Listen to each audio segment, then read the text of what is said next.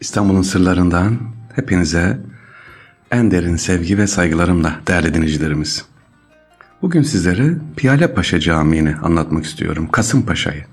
Bu caminin ve semtin bir özelliği var. Oradan gidelim inşallah. Piyale Paşa Camii İstanbul'da gemi şeklinde yapılan tek camidir. Dedik ya Mimar Sinan farklı camiler yapmayı sever. İşte burada da Piyale Paşa Camii'nde İstanbul'un Kasımpaşa semtinde bulunan bu cami e, gemi şeklinde yapılmış. Niye gemi şeklinde yapılmış? Çünkü Piyale Paşa denizci ve aynı zamanda kaptanı derya. Mimar Sinan bu cami altı kubbeli ve dikdörtgen planlı. Caminin ortasında iki büyük sütuna dayanan kubbelerin ağırlığı duvarlardaki yan direklerle temele iniyor. Caminin üç tarafı kemer ve tonozdu. Sebebi ise dediğim gibi buranın gemi şeklinde olması seviniciler.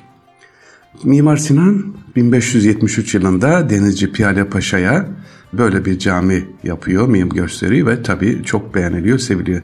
Neden burada Kasımpaşa'da böyle bir cami yaptırıyor derse ya da neden Kasımpaşa? O dönemde seviniciler buranın yerleşimi açılması isteniyor.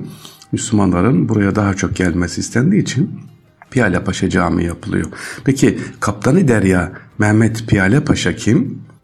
Kırsal bir kesime yani Kasımpaşa'yı cami yaptırarak yerleşimi açmaya karar veriyor. Mimar Sinan'dan gemiye benzeyen cami yapmasını istiyor. Bir de caminin ortasına bir minare.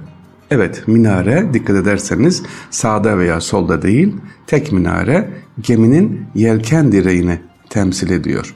Hazırlıklar başlıyor ve 1573'te Piyalepaşa Camii Mimar Sinan'a yaptırılıyor. O yıllarda cami medrese, tekke, Sibyan Mektebi, türbe, çarşı, hamam ve sebilden kurulu büyük bir külliye yaptırılır. Amaç neydi? Burada e, Kasımpaşa'nın imara açılması. Fakat günümüze geldiğimiz zaman sevgiliciler 2023'te yalnızca cami ve türbe var. Evet hepsi gitmiş, yola gitmiş, yıkılmış. Yüksekten bakılınca gemiye benzeyen tarihi cami Türkiye'deki tek paşa cami olmaz özelliğini taşıyor. Peki Piyale Paşa kim? Caminin neden Kasımpaşa'da yapılmasına karar verdi?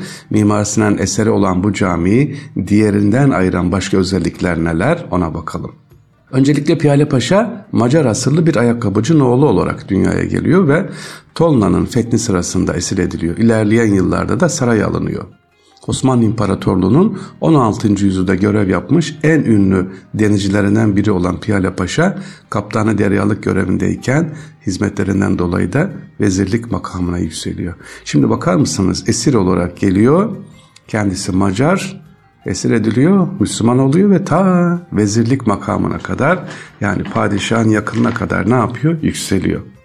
Osmanlı İmparatorluğu zamanında deniz tecrübesi olmayanların kaptanlık görevine getirilmesi yerine meslekten yetişen birinin bu göreve daha uygun olduğu prensibi tercih ediliyordu. Buna rağmen Piyale Paşa bu görevi iyi bir şekilde yürütmüş ve Cerbe Deniz Savaşı başta olmak üzere pek çok zaferler kazanıyor. Kasımpaşa semtine gelelim şimdi sevgiliciler. Kasımpaşa İstanbul'un fethinden önce Ayalonka adıyla anılıyordu ve Müslümanların gömüldüğü mezarlık haline getirilmişti burası. Evliya Çelebi diyor ki burada sahabeden bazı kişiler var ve onların torunlarının da yattığını söylüyor. Onun için diyor burası Müslümanların rağbet ettiği bir yer Kasımpaşa.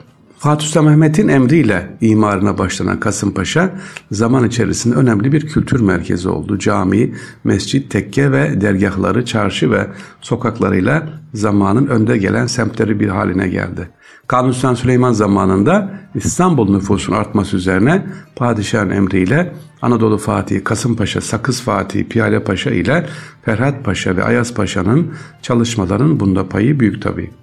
Kasımpaşa ismini de bu semte cami yaptıran Kasımpaşa'dan alıyor. Semte 1721'de büyük bir yangın çıkıyor ve bölge eski şöhretini kaybederek gitgide fakirleşiyor.